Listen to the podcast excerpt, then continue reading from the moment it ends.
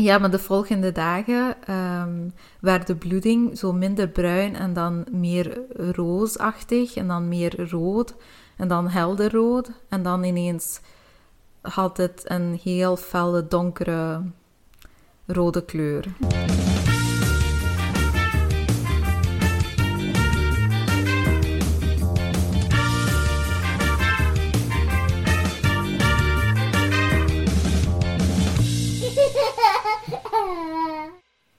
Welkom bij een nieuwe aflevering van Prikkelpot. Vandaag hebben we het over miskramen en onzekerheden in het begin van de zwangerschap. Ik ga jullie alles vertellen over mijn eigen miskramen. Dit zonder filter, zonder iets te verbergen, want ik vind het heel belangrijk dat we deze topics bespreken en onze ervaringen delen. Ik ga je ook vertellen over eh, hoe dat mijn gelukte zwangerschap is verlopen. En op het einde van deze aflevering heb ik een heel leuke announcement. Maar eerst en vooral gaat de gast van deze week zichzelf voorstellen. Ik ben Sumeye. Ehm, ja, ik ben zelf ook afgestudeerd als vroedvrouw. En daarna heb ik een jaartje apothekersassistent gedaan. Wat volgens sommigen echt totaal niks heeft te maken met vroedkunde. Maar ja, uiteindelijk, ik vind dat geen verloren uh, jaartje. Ik heb heel veel dingen bijgeleerd. En ook, ja, uiteindelijk komen er ook heel veel zwangere en bevallen mama's ook in de apotheek. Dus ik heb ook heel veel advies kunnen geven en ook uh, eigenlijk mijn vroedkundige taak kunnen bijhouden. Dat is zeker een meerwaarde. Ik ben super fier dat je dat hier... Dank u, dank ja, u. Dus... Je hebt dat ook heel goed gedaan, hè? Ja, vond het ook heel fijn, echt waar. Maar eigenlijk heb je dit ook samen gecombineerd met uh, um, ja, vroedvrouw zijn voor... Uh, in organisatie hier in de buurt. Ik weet niet of ik dat mag zeggen. ik weet het eigenlijk ook niet. Maar dus ja, we zullen het zo houden. Dus uh, ja, ik heb dan ook ja, als vakantiewerk dan twee maanden gewerkt als vroedvrouw. En ja, het is zo... Toen heb ik terug zo die passie. Allee, dat, als je dat doet, dat voelt je echt. En dat raakt je hart ook zo. En ik vond dat heel fijn. Ik vond het zelfs heel jammer, zo de een van de, de twee maanden zo, dat ik moest stoppen. Heb je geweend? Ik heb een paar traantjes gelaten, dat is heel gek. Maar als ik zo iets, allee, afscheid moet nemen van iets, ik vind dat heel... Maar weet je, zo ook die mama's moet je zo afgeven. En, en, en dat is zo jammer, maar... Het was een heel fijne ervaring en ik hoop dat ik het ergens nog kan herpakken. Ik, ga, ik ben nu op zoek naar werk, wat niet gemakkelijk is als vroedvrouw. Hè. Ja, zeker niet. Nee, dus... Uh, maar ja, we gaan zien. Hè. We zullen zien wat het leven brengt. Ik ben echt benieuwd. Ja. En ik ga je uh, meenemen zeven jaar terug in de tijd. En uh, toen heb ik en, en, mijn man voor de eerste keer ja, de beslissing genomen van uh, wij gaan voor ons eerste kindje. En dat is heel speciaal, zo ja, actief de beslissing nemen van dit gaan we doen, we gaan daarvoor. Dus ik denk dat veel koppels dat kunnen herkennen. Dat is iets tussen u en uw partner. En je loopt zo rond met een, met een geheim. En dus dat was heel speciaal. En zeven maanden zijn we eigenlijk in dat bobbeltje geweest. in, ja, zo geheimzinnig van oei, we zijn we zijn eigenlijk van plan om onze familie een beetje groter te maken. En ik weet, uh, nu in het begin is dat zo heel, heel speciaal, maar daarna wil je gewoon zwanger worden. dus um, we hebben zeven maanden gewacht en toen heb ik voor de eerste keer mijn positieve zwangerschapstest genomen. Nu, dat was in het midden van de nacht. en ik wist toen niet dat het in het midden van de nacht was. Ik, mijn regels waren laat met twee dagen en Um, ik had toen voor het slapen gaan, dacht ik, morgen ga ik een zwangerschapstest nemen, dan weet ik het zeker. Maar uh, in het midden van de nacht ben ik, moest ik dringend naar wc gaan. En ik heb uh, de test gen genomen en ik zag... Dat was zo van die keidure uh, zwangerschapstesten van Clearblue. Mm -hmm. um, maar ik zag wel een, een tweede streep. Um, en daarna besefte ik ook, oei, het is drie uur. Uh, ik kan mijn man nu niet wakker maken. Dus ik ga gewoon uh, terug in slaap en ik ga hem morgen, alleen de volgende ochtend vertellen. Heb je kunnen slapen? Ik heb, ik denk, ik heb redelijk goed kunnen slapen. Ik had zoiets van, oh, nice. Iets, ja. Um, en uh, ja, ik werd die ochtend werd ik wakker. mijn man was al op naar, alleen naar wc. En ik weet, de eerste gedachte toen, uh, dat ik had was: stel, stel je voor dat ik, als dit maar een droom was. Mm en ik lachte zo in mijn eigen. En ik heb de zwangerschapstest uitgehaald uit mijn nachtkastje. En de tweede, het tweede streepje was verdwenen. en ik dacht: oei, heb ik wel een, een streep gezien? Of was dat nu positief of is dat negatief? Uh, ik was daar vrij zeker van dat ik een tweede streep had gezien. Uh, dus ik werd super onzeker. Ik had ook geen symptomen zo in het begin. Dus ik heb mijn man dan niks verteld. Hij is naar werk gegaan en ik ging naar de winkel om een nieuwe test te kopen. Uh, opnieuw en zo keidure, clear blue digital. Just to be sure. exactly. En ik dacht, ik, ik moet het zo zeker weten, zwart op wit, ben ik nu zwanger of niet. En ik, het bleek positief te zijn. Ik heb die dezelfde avond mm, mijn man ook verteld, ook zo met cadeautjes. Ik wou dat op een mooie manier doen. En hij was ook super, super blij daarna, ja, we hadden een reis ingeboekt. Dus ik ben, ja, we zijn eigenlijk op de reis geweest.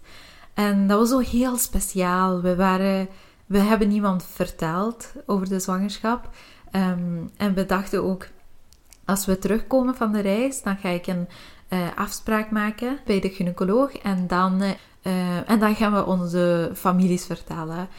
Eigenlijk, de, de reis op zich was heel fijn. En toen we terugkwamen, heb ik een afspraak gemaakt bij de gynaecoloog. En alles zag er goed uit op het scherm. Ehm, en we zagen een heel mooi, sterk kloppende hartje. En we hebben ook onze families verteld. Dezelfde dag nog, denk ik. En de dag daarna had ik een kleine bloeding. Het was, het was bruin, meer bruinachtig. Um, en ik, ik wist ook dat sommige vrouwen kunnen een bloeding hebben en het is niet per se gevaarlijk. Het is niet, uh, dat, dat, betekent niet dat er geen kans is meer. En zeker bij een bruine bloeding, dat kan oud bloed zijn. Maar ik heb voor de zekerheid heb ik een extra afspraak gemaakt bij de gynaecoloog. We zijn daar geweest en uh, uh, alles zag er goed uit. En ze zei, ja, een bloeding is niet normaal. Maar uh, wat ik op de scherm zie is wel normaal. Dus daar ga ik vanuit. Ja, maar de volgende dagen um, werd de bloeding zo minder bruin en dan meer roosachtig en dan meer rood en dan helder rood. En dan ineens had het een heel felle, donkere rode kleur. Mm -hmm. uh, en wat, hoe voelde je toen op dat moment? Of was je toen alleen? Of ja, dus dit gebeurde over uh, een paar dagen. En ik, ik had zo momenten waar ik positief bleef. Ik, ik dacht, nee, maar uh, uh, ik ben zwanger. Ik, ben, ik heb het hartje zien kloppen. En, en toen was ik al in, mijn, in week acht of zo. En ik dacht, zo, het kan zijn dat ik gewoon een van die vrouwen zijn die gewoon bloed in haar zwangerschap. Uh, uiteindelijk uh, ging dit gepaard met uh, hevige krampen en dat was heel pijnlijk. Mm -hmm. Wat ik moeilijk vond, is dat overdag kon ik zo positief blijven, omdat ik, ik bloedde wel, maar dat, dat was niet zo hevig en ik had minder pijn. Maar s'nachts had ik superveel krampen, superveel pijn um, en ja, ik voelde me gewoon echt niet goed. En wat maakt dat je zo lang hebt gewacht? Bijvoorbeeld, allee, als je, ik denk, met de kennis van nu, zou je veel eerder via spoed naar binnen zijn geweest, of niet? Ik uh, heb meerdere, allee, ik heb over uh, die dagen had ik wel contact met mijn gynaecoloog, maar ze had me al twee keer onderzocht en twee keer gezegd van uh, alle, ah. alles ziet er goed uit eigenlijk. Ik weet niet van waar dat die bloeding komt, maar het hartje blijft kloppen. En, en ik denk ook ik wou het zelf niet toegeven dat dit een heel donkere kant had. Dat het niet vooruit ging. Dat wou ik ja, eigenlijk niet toegeven. Maar uiteindelijk, uh, er was één nacht toen ik heel hevige krampen had en ik heb ook klontertjes uh, verloren. Um, nu, daarvoor, de dag daarvoor, had ik ook nog klontertjes verloren, maar deze waren veel groter en de, uh, de pijn was veel erger. De volgende ochtend ben ik inderdaad teruggegaan naar de gynaecoloog, die op dat moment in het ziekenhuis was. Um, en ze zag op de echo dat, uh, um, dat mijn baarmoeder leeg was. En ja, op, op dat moment, dat was gewoon een bevestiging van wat ik al wist.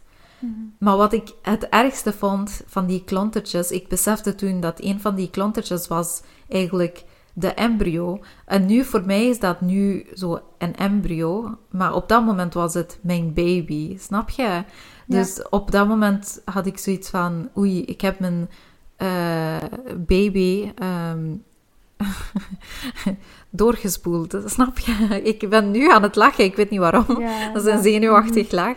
Maar uh, ik had op dat moment zoiets van, ik heb ik heb de baby niet eens gezien. Ik heb de embryo niet eens gezien. Ik had het niet eens door dat dat, dat gebeurde. En uh, ik zat daar heel lang mee. Mm Zo, dat was niet... Ik had het minder erg gevonden als, uh, um, als het hartje niet, niet klopte en, en het bleef daar binnen en was in het ziekenhuis uitgehaald. Ja, ja.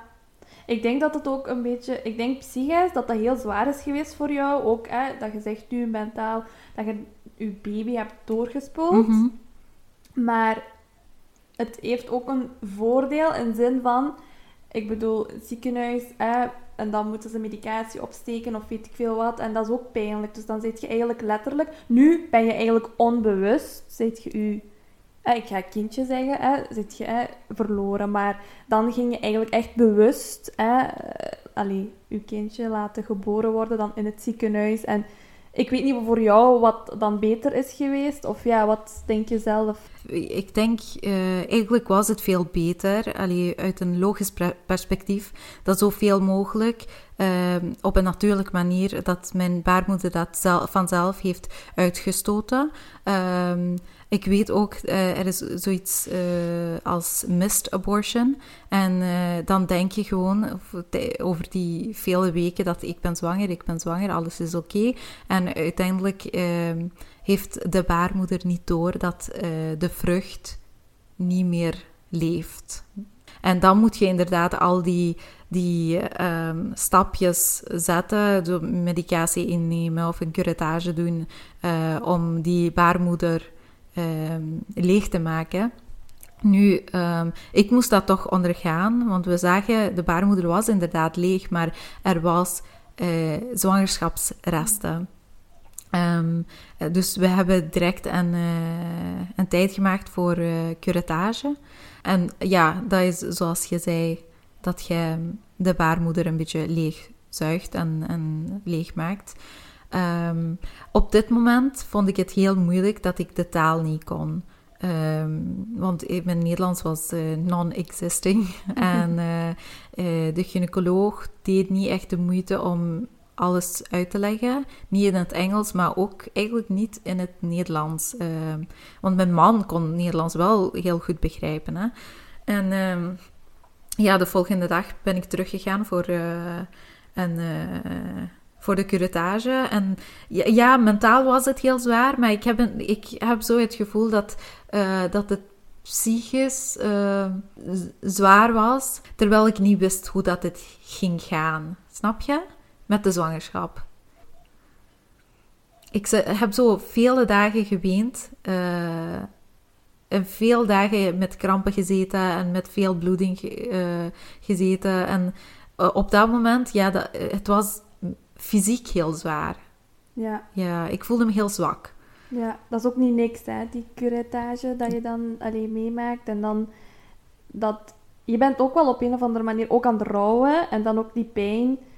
Ehm, ja. En ik bedoel, je zegt over die gynaecoloog bijvoorbeeld. Ik denk dat dat ook wel heel belangrijk is op dat moment. Echt 100% kwalitatief opvolging. Want dat is zo een, een gevoelig moment, wat heel veel verschil kan maken hoe dat jij daarmee omgaat later. Inderdaad. Je, zegt, zelf, je zegt zelf dat je eigenlijk heel weinig, hè, dat die informatie heeft gegeven of dat die echt allee, communicatief niet zo top was. Ehm allee, op dat moment, die, allee, sommige, je ziet, elke persoon is anders, hè, maar dat is toch wel, allee, ik vind persoonlijk een, een heel sereen, heel, heel emotioneel moment. En ik vind toch wel, ook al kan je dat niet, toon wat compassie en, en, en ja, dat is uw werk, weet je. Al kan je de taal niet, zelfs de manier hoe dat je kijkt naar een vrouw, kan je tonen van, ik leef met je mee. Dus ik denk dat je daar ook wel een, een belangrijk punt hebt gemist door die Mhm. verkeerde opvolging, zeg maar. En inderdaad, en eh, we gaan daar later op aansluiten, ehm, wat, wat deze ervaring eigenlijk eh, heeft veroorzaakt. Eh, ik denk dat ik dat ook nodig had. Een beetje meer uitleg, een beetje meer compassie, een beetje meer empathie van, eh, van de zorgverleners.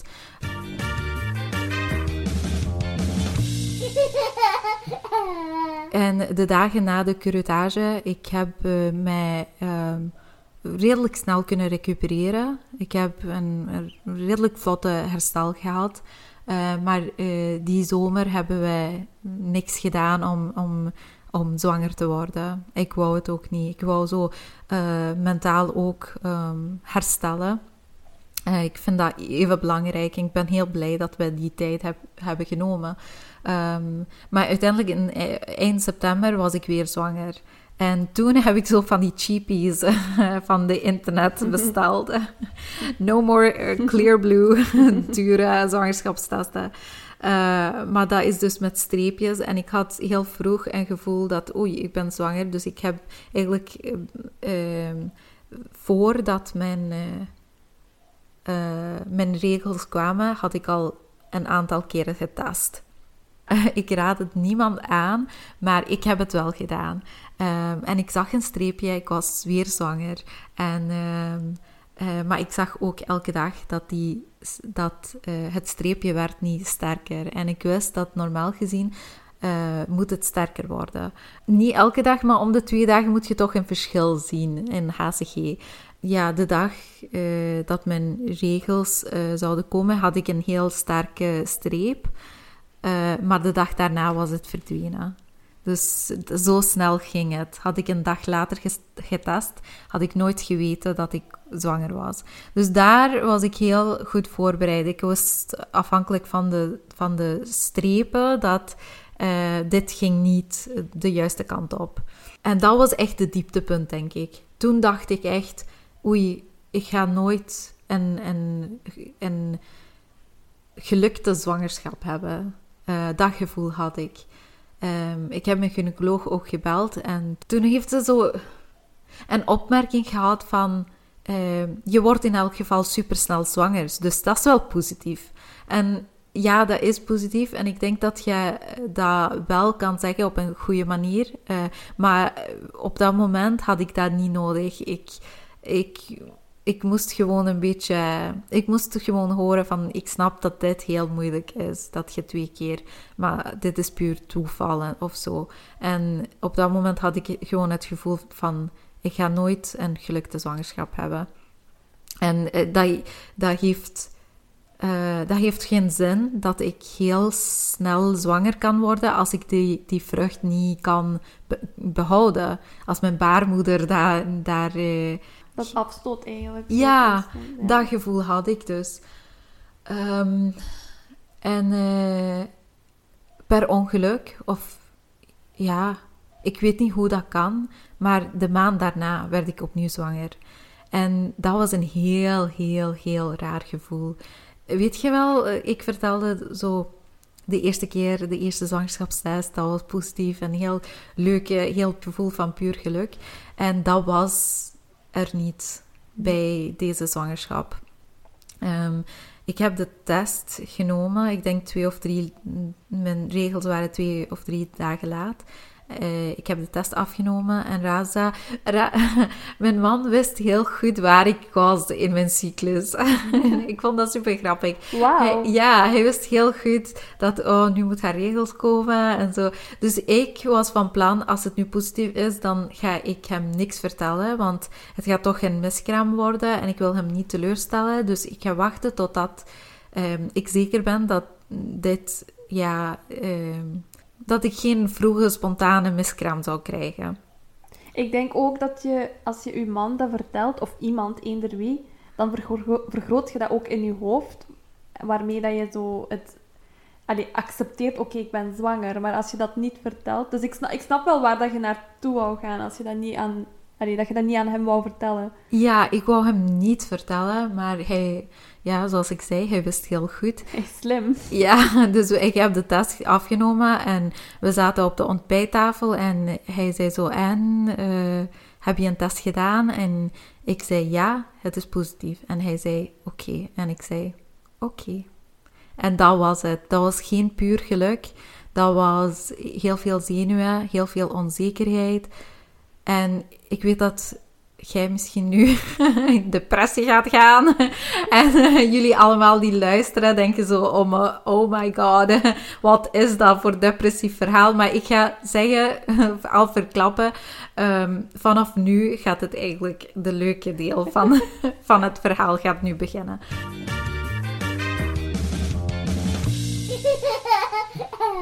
Maar ik moet wel zeggen, die eerste twaalf weken waren heel moeilijk voor mij. Mentaal heel zwaar.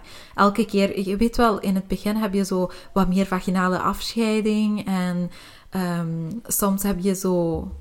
Ja, soms heb je ook zo menstruatiepijn. Gewoon door, door het feit dat de baarmoeder is aan het groeien.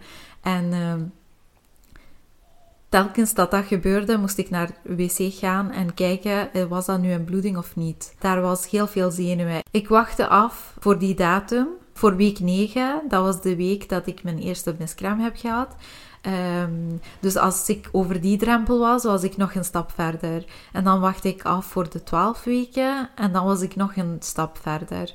Dus dat was zo, ja, eigenlijk niet, niet echt dat puur geluk uh, en, en dat bobbel van uh, oei, dit is ons geheim. We hebben onze ouders uh, en dat allemaal verteld, maar dat was, daar was geen innocence meer, snap je? Dat, was, de, de, dat eerste keer was zo onschuldig en, en, en fijn, dat gevoel. En dat gevoel had ik gewoon niet in mijn, in mijn derde zwangerschap. Ja.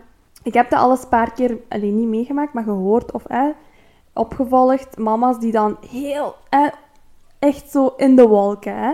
Maar dan, eh, als, dan eh, als een miskraam meemaken, dan die, die, die uh, grafiek, snap je wat ik bedoel? Van die euforie en dan die down. Snap je, dat is zo een heel grote... Allee, ik weet niet of je snapt wat ik bedoel. Ik snap wat je bedoelt. Uh, dat het um, een heel... Uh, van de top tot de allerdiepste daal. Ja, zo. Uh, en, ja, ja dat, dat vind ik heel, heel jammer. Wees bewust dat dit kan ook anders aflopen. Ik denk dat daar, daarom vertel ik ook over mijn verhaal. Dat is niet gemakkelijk voor mij om te zitten zeggen: uh, ja, ik heb een halfluie baarmoeder. Die, uh, allee, of ja, snap je? Dat, dat voelt nog steeds soms als een mislukking. Maar, uh, en ik denk zo heel hard na, wat heb ik, uh, heb ik iets misgedaan? Ik weet bij, mijn, bij de tweede miskraam, ik, telkens voordat ik me neerzat, heb ik mijn broek, broek opengemaakt. Dat ik dacht, uh, dit gaat wat meer druk geven aan mijn buik en dat wil ik niet. Ik wil mijn baarmoeder niet uh, drukken. En dat is heel onlogisch, hè? Nu als vroedvrouw. Als ik zoiets hoor, dan heb ik zoiets van... Uh, ben ik ooit zo dom geweest? maar, maar dat is zo... Um, en dat, ja, wat ik wil zeggen is... Je moet daarover praten. Je moet daarover um, ja, een discussie voeren um, over deze onderwerpen. Want hoe gaan mensen dat anders weten? Dan ben je zo gelukkig als iets en um, je bent daar niet van bewust dat het ook kan, uh, allee, kan mislopen. Dus ik vind dat wel belangrijk dat deze topics worden besproken. Dat jij ook toegeeft van, uh, ja, ik heb dat ook meegemaakt. Um, dat is en het is spijtig om dit te zeggen, maar het is een, een, een deel van je leven. Dat is zo, veel mensen gaan dit meemaken en dat is niet. Het is wel erg, maar het is niet uh, het einde van de wereld. Ja, dus ja, nu met jouw verhaal denk ik dat het ook wel leuk is dat mensen kunnen zien van het is inderdaad niet het einde van de wereld. Ja.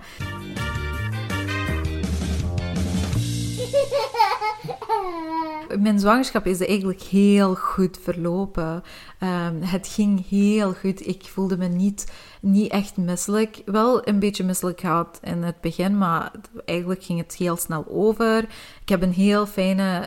Um, uh, ja, ik heb een heel fijne zwangerschap gehad tot op het einde. Dus ik ga even fast forward naar de bevallingsgedeelte van dit verhaal. Ja, dus dit wil ik uh, terug opkomen. Ik had geen vertrouwen in het Belgische gezondheidssysteem de gezondheidszorg voor mij was zo, ja, ze hebben slechte communicatie. Ik wist niet eens dat je naar de vroedvrouw kon gaan.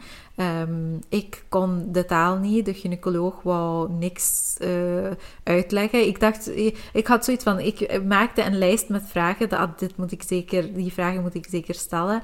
En ik was binnen en buiten op vijf minuten. Dus ik zei tegen mijn man, ik ga hier zeker niet bevallen, want... Um, ik vertrouw hen niet. Hoe ga ik communiceren? Hoe ga ik vertellen, dit doet pijn of dat doet pijn? Um, dus ja, ik denk ook door die ervaring met de curettage en, uh, en de, ja, ik, ik vond toch dat er veel onbegrip was. Uh, bij de gynaecoloog ook. En ik snap het wel, ze hebben daar geen tijd voor. Ze kijken naar de risico's. Um, je kunt niet uh, verwachten dat ze um, u gaat helpen als een vroedvrouw u kan helpen. Dus ik ben naar Zweden gegaan voor de bevalling. I'm shook. This part I didn't know. You didn't know this. ik was al bij Belgium. uh, nee, ik ging naar uh, Zweden, ik denk rond 36 weken. Uh, ik had een heel goed gesprek met mijn vroedvrouw daar. Echt zo, we zijn een uur bezig met gewoon praten, elkaar leren kennen. Ik voelde me daar, ik had zo een goed gevoel bij haar. Op 38 weken zei ze, dat gaat niet veel meer, langer duren.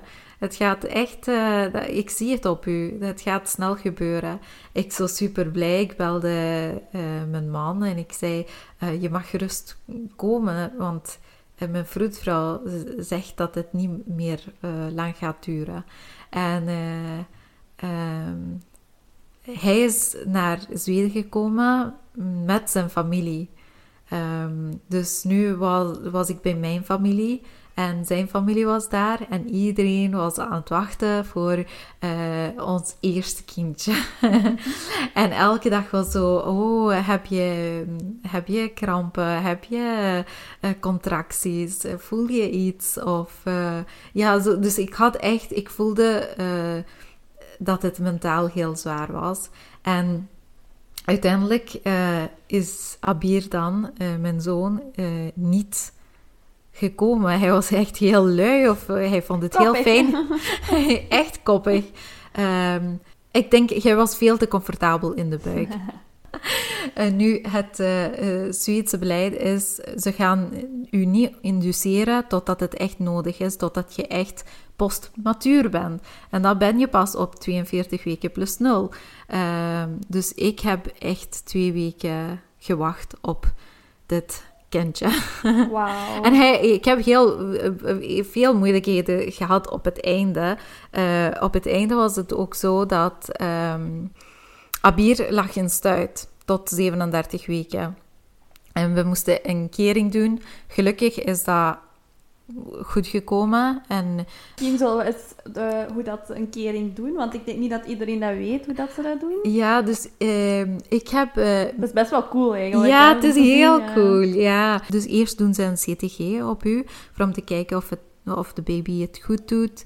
Um, en dan, um, er is wel een risico dat eh, de, dat ja, je gaat bevallen of dat gaat leiden tot contracties of dat je water breekt en zo. Dus daar moet je goed voorbereid op zijn. Um, ik kreeg medicatie. Ik weet dat overal wordt het niet medicatie toegediend, maar ik kreeg een medicatie waarbij mijn spieren een beetje kon relaxeren. Dus mijn baarmoeder was helemaal slap. Um, de bijeffect uh, was dat uh, je krijgt zo hartkloppingen en zo van, die, van de medicatie. En dan, doen ze, dan doet eigenlijk de arts de kering samen met um, een assistent of uh, een andere arts of een vroedvrouw. En dan, dan één iemand neemt het hoofdje en de andere neemt ja, zo het lichaam, een poepje en zo. En dan proberen ze uh, de baby te keren. Mm -hmm. En bij mij was het, uh, was het wel gelukt. En dat is een 50-50 chance. Ja. Zo. Um, ik was super blij, want nu, dat was mijn droom, hè? Een, een vaginale bevalling. Ik wou alles natuurlijk en zo natuurlijk mogelijk. Ik was toen al zo Into the... Into the... Midwife ja, nature inderdaad. Zo. beleid, ja. Ja, ja. En, uh, uh, maar ja, ik moest, uiteindelijk moest ik geïnduceerd worden. Ik was toen al drie centimeter open en ze zijn begonnen met... Uh, ze hebben mijn vliezen gebroken. Ik kreeg ook een infuus met oxytocine. En dat, ja, dat, is eigenlijk ook een, een tweede manier om eigenlijk uw, uw weeën op gang te brengen. Hè. Dus als we de vliezen breken, dan maakt uw lichaam uw, hè, hormonen aan, waardoor dat de baarmoeder gaat, hè, die wordt geprikkeld, dus die gaat eigenlijk stilletjes aan beginnen te werken om uw baby hè, uit te drijven. En dan gaat er op de tweede manier ook nog, of de tweede stap eigenlijk ook nog, via infuus een medicatie gegeven worden gegeven, waardoor dat ook uw baarmoeder terug gaat laten werken, eigenlijk zijn werking laten doen. Maar dat is niet zo plezant. Dat zeggen de meeste mama's zo die... Eh, ik weet niet of jij een epidurale had of niet. Dus, want je bent eigenlijk iets aan het forceren wat je lichaam niet uit nature doet. Dus je bent eigenlijk je baarmoeder aan het forceren om eh, weeën allee, op te wekken. Op te wekken, ja. Inderdaad. Dus, en dat is, ik heb gehoord van veel mama's die ook een natuurlijke bevalling uh, hebben gehad en daarna ook een geïnduceerd worden. En ze zeggen dat die kunstmatige weeën super pijnlijk zijn. Zeker in vergelijking met ja, een, gewone, een gewone arbeid die op een natuurlijke manier start. Uh, ja, ik, ik, kan, ik heb, kan het niet vergelijken met andere weeën. Ik heb maar die kunstmatige weeën gehad.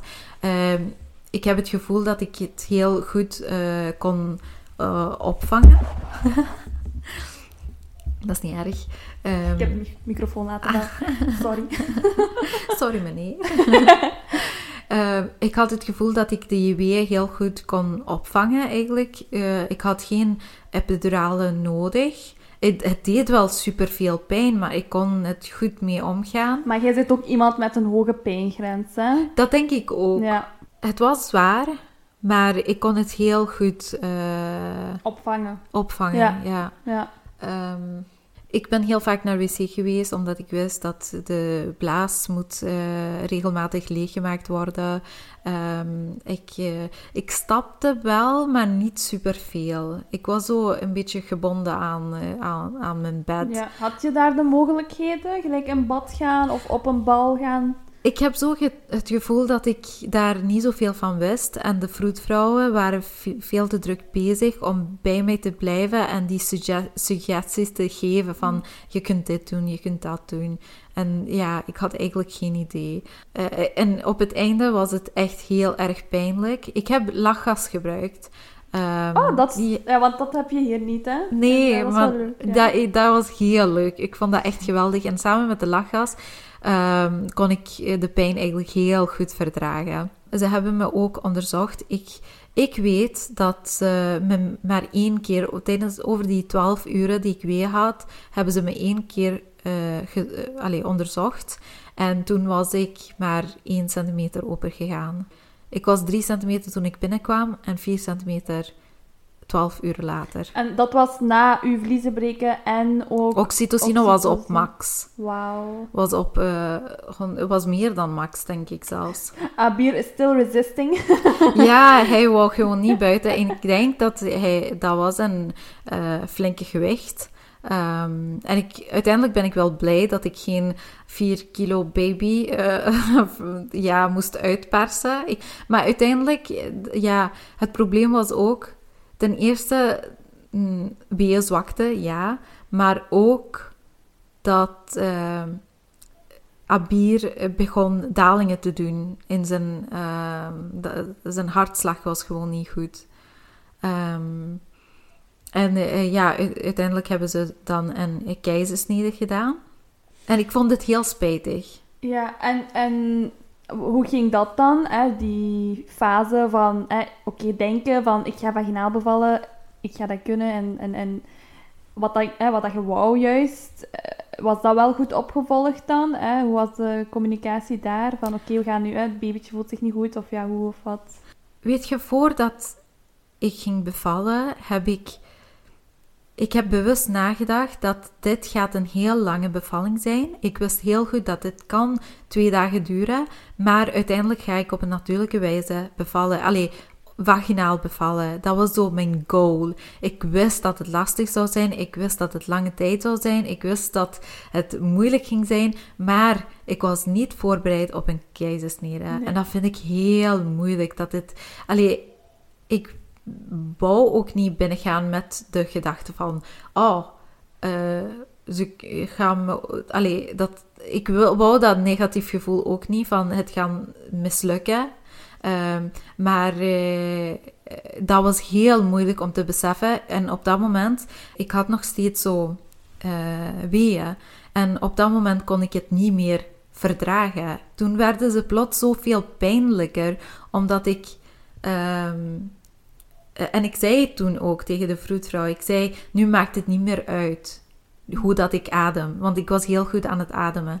En dat, die informatie heeft me gewoon kapot gemaakt. Kapot gemaakt. En hier denk ik ook, dit is ook een bewijs, ehm, wat dat we ook geleerd hebben en ook uit ervaring van stage, hoe belangrijk het is dat je je mindset echt op nul zet of op plezante gedachten of dat je echt zo echt op nul zetten. Hè? En, en niks negatief. En dat, hè, dat je je ademhaling en zo perfect kunt doen. Maar op het moment dat je zo negatief invloed van buiten krijgt, dat alles misloopt, dat je hè, uit je systeem bent en dat je dan je pijn begint te voelen hè, op dat moment. Dus zo merk je ook hè, hoe belangrijk het is dat je je, je, je mindset, dat dat echt verbonden is eigenlijk met uw, uw, uw pijn en uw ervaring ook. Hè? Ja. Dus hè, voor mensen die gaan bevallen of willen bevallen, hè, of, of nee, ik denk... Uh, dus dat is ook als grootste tip, hè, als je natuurlijk wilt bevallen, is echt je, je ademhalingsoefeningen op voorhand doen en ook echt voorbereid zijn van hoe ga ik dat doen? Wat wil ik doen? Bespreek met je vroedvrouw, want dat heb jij ook gemist bijvoorbeeld daar. Je kon misschien een bal gebruiken, maar je wist daar niks van. Je kon misschien een bad, maar daar wist je niks van. Maak ook afspraken op voorhand. Dus ja, dat is ook wel belangrijk. Ja, ik, ik ben heel... Allee, ik had heel veel hoop uh, voor uh, de Zweedse gezondheidszorg. En ik, ik voelde me heel teleurgesteld op dat moment. Van, eigenlijk is het niet gebeurd zoals ik uh, het gehoord had. Snap je? Ik heb een aflevering gemaakt een tijdje geleden over pijnstillingsmethoden en uh, de verschillende methoden die in Zweden worden toegepast. Maar als ik nu terugdenk aan mijn bevalling, heb ik daar nooit. Eh, ik, ik wist daar niks van. En ze hebben me ni allee, niks laten weten. Ook ondanks het feit dat ik twee weken op voorhand ben ik... Eh, ik ben heel vaak naar het ziekenhuis geweest. Ik ben op die infosessies geweest. Ik ben echt... Misschien hadden zoiets van... Oh, het is die ene. het is die ene die altijd elke dag langskomt. nee, maar ik, ik, ik allee, dat is wel jammer dat je dat zo hebt meegemaakt. Maar ik denk dat we ook hier kunnen zeggen van bijvoorbeeld hè, de gynaecoloog, die ervaring dat je hier slecht had. Um, ik vind ook, de mama's moeten ook weten, je kunt altijd van gynaecoloog veranderen. Ik weet dat het soms moeilijk is, dat ze u gewoon hier zeggen van hier, maar uw contact met de gynaecoloog is belangrijk. Dus als je dat wenst, vraag dat ook gewoon. En heb niet zoiets van, oei, die gaat daar slecht over denken, of, of dat is die collega of zo. Nee, als uw contact niet goed is, of je wilt veranderen, doe dat gewoon. Ja, inderdaad. Dat is heel belangrijk. Heel belangrijk. Maar wat ik spijtig vind, is dat bijna elke gynaecoloog werkt op dat manier. Ik had zo niks aan die gynaecologen in Zweden ook niet. Dat kan ook zijn toevallig dat jij dat zo ervaren hebt. Want eerlijk gezegd, uit- van Zweden hoor ik ook altijd positieve dingen. Gelijk in Engeland. Dat zijn zo de twee landen waar dat het echt zo eh, midwife leaded en alles gaat natuurlijk en alles gaat heel mooi.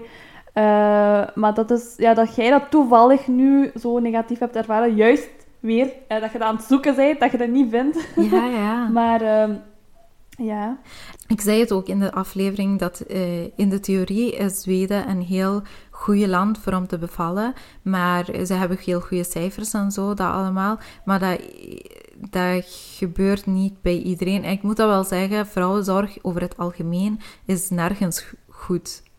Is nergens ideaal. Dat wordt niet een prioriteit gemaakt. Dat is gewoon zo. En, eh, maar, maar ik ben nu super blij dat ik die, al die informatie heb. eh, wat mijn rechten zijn, welke alternatieven er zijn. En het blijft ook mijn passie dat ik dit moet, allee, ik moet dit verder vertellen aan vrouwen. Want deze zijn je opties. En dit kan je nog doen om, en, om te verzekeren dat jij alles hebt gedaan voor, voor uw zwangerschap en voor uw bevalling.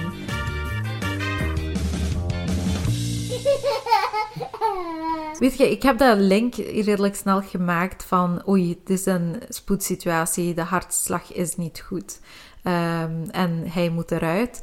Eh, dus voor mij was het dat de belangrijkste. Dus het was nooit zo, nee, alsjeblieft, laat me nog 6 centimeter gaan.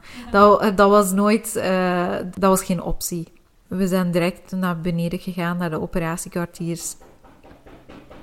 Habir is thuis. De kle- kleine jongen waarover wij bezig zijn.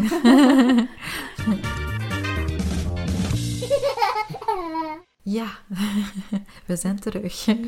Ehm, dus Abir is geboren en ja, ik heb hem heel kort gezien en daarna is hij weggegaan samen met mijn man. Dus ik heb hem niet meer gezien. Ehm, daarna zijn ze teruggekomen na een eeuw. Het voelde echt zoals ja, dat ik een eeuw heb gewacht. Ehm, ze zijn teruggekomen en het eerste wat ik dacht toen ik Abir zag was... Ja, hij, hij is niet zo super schattig. Het is eigenlijk redelijk lelijk. Nee, dat was echt mijn eerste gedachte. En, toen, eh, en ik dacht ook dat hij meer op mij leek dan op... Alright. ja.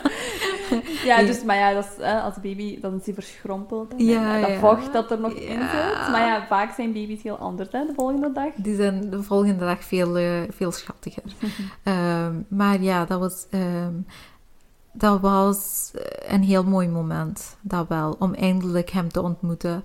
Maar ja, de herstel na de keizersnede was ook niet fijn. Ehm, dus het is daarmee dat ik bij een volgende bevalling eh, heel graag vaginaal wil bevallen. Op een natuurlijke manier en zo. Maar ik weet ook, het is een 50-50 eh, kans. Ofwel gaat het, ofwel gaat het opnieuw een keizersnede worden.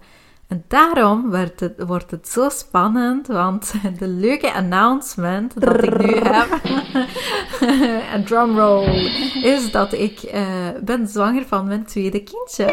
Ja! dat is heel, heel, heel eh, bijzonder nu. Ehm, en deze keer is het echt heel anders verlopen dan allemaal. Zo, de eerste twaalf weken zijn heel relaxed geweest. Ik wist heel goed, ja, dat kan een miskraam worden, dat kan heel mislopen, maar dan is het zo. Ik was heel zo... Dat, ik, ik ben mentaal gewoon heel ontspannen. Je geniet. Ik ben echt aan het genieten. Ja. Dus ja, uiteindelijk ziet je ook, eh, je leert ook uit alles, hè. En het is heel moeilijk geweest, je hebt heel moeilijke dingen meegemaakt, maar nu hè, heb je zoiets van, ah ja, het kan, het kan gebeuren. Hè, terwijl toen had je zoiets van, oei, het gebeurt of het is niet gebeurd. En nu ben je echt... Ik... Microfoon. Heb je iets tegen mijn microfoon? Nee, uw microfoon is gewoon niet stabiel genoeg. Hey, niks zeggen over mijn microfoon. These are my babies. Dus ja, en je ziet echt, je ziet een heel mooie zwangere vrouw. Thank you. Ik vind dat elke zwangere vrouw zo'n schoonheid uitstraalt. Nu, elke vrouw is mooi, hè. ja. Maar, maar ik bedoel, ja, zo een- Ik heb dat ook. Ik heb dat ook. Ja. Eh, Elke zwangere vrouw die ik zie, vind ik heel, heel, heel aantrekkelijk en heel Dat mooi. is precies een accessoire, Ja, ik. maar ik heb dat niet bij mezelf. Maar elke andere vr- vrouw die zwanger is, vind ik heel mooi. Dat is heel, heel gek.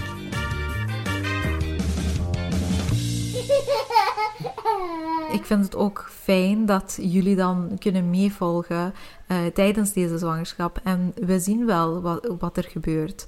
Eh, En eh, wil je vertellen hoe ver je nu bent? ik ben ongeveer 20 weken op dit moment. Ja. Dus ik ga eh, in januari ga ik bevallen. Ja, super. Ja. En hoe voel je je momenteel? Momenteel heel goed. Ja. Eh, echt heel goed. Ik heb heel veel energie.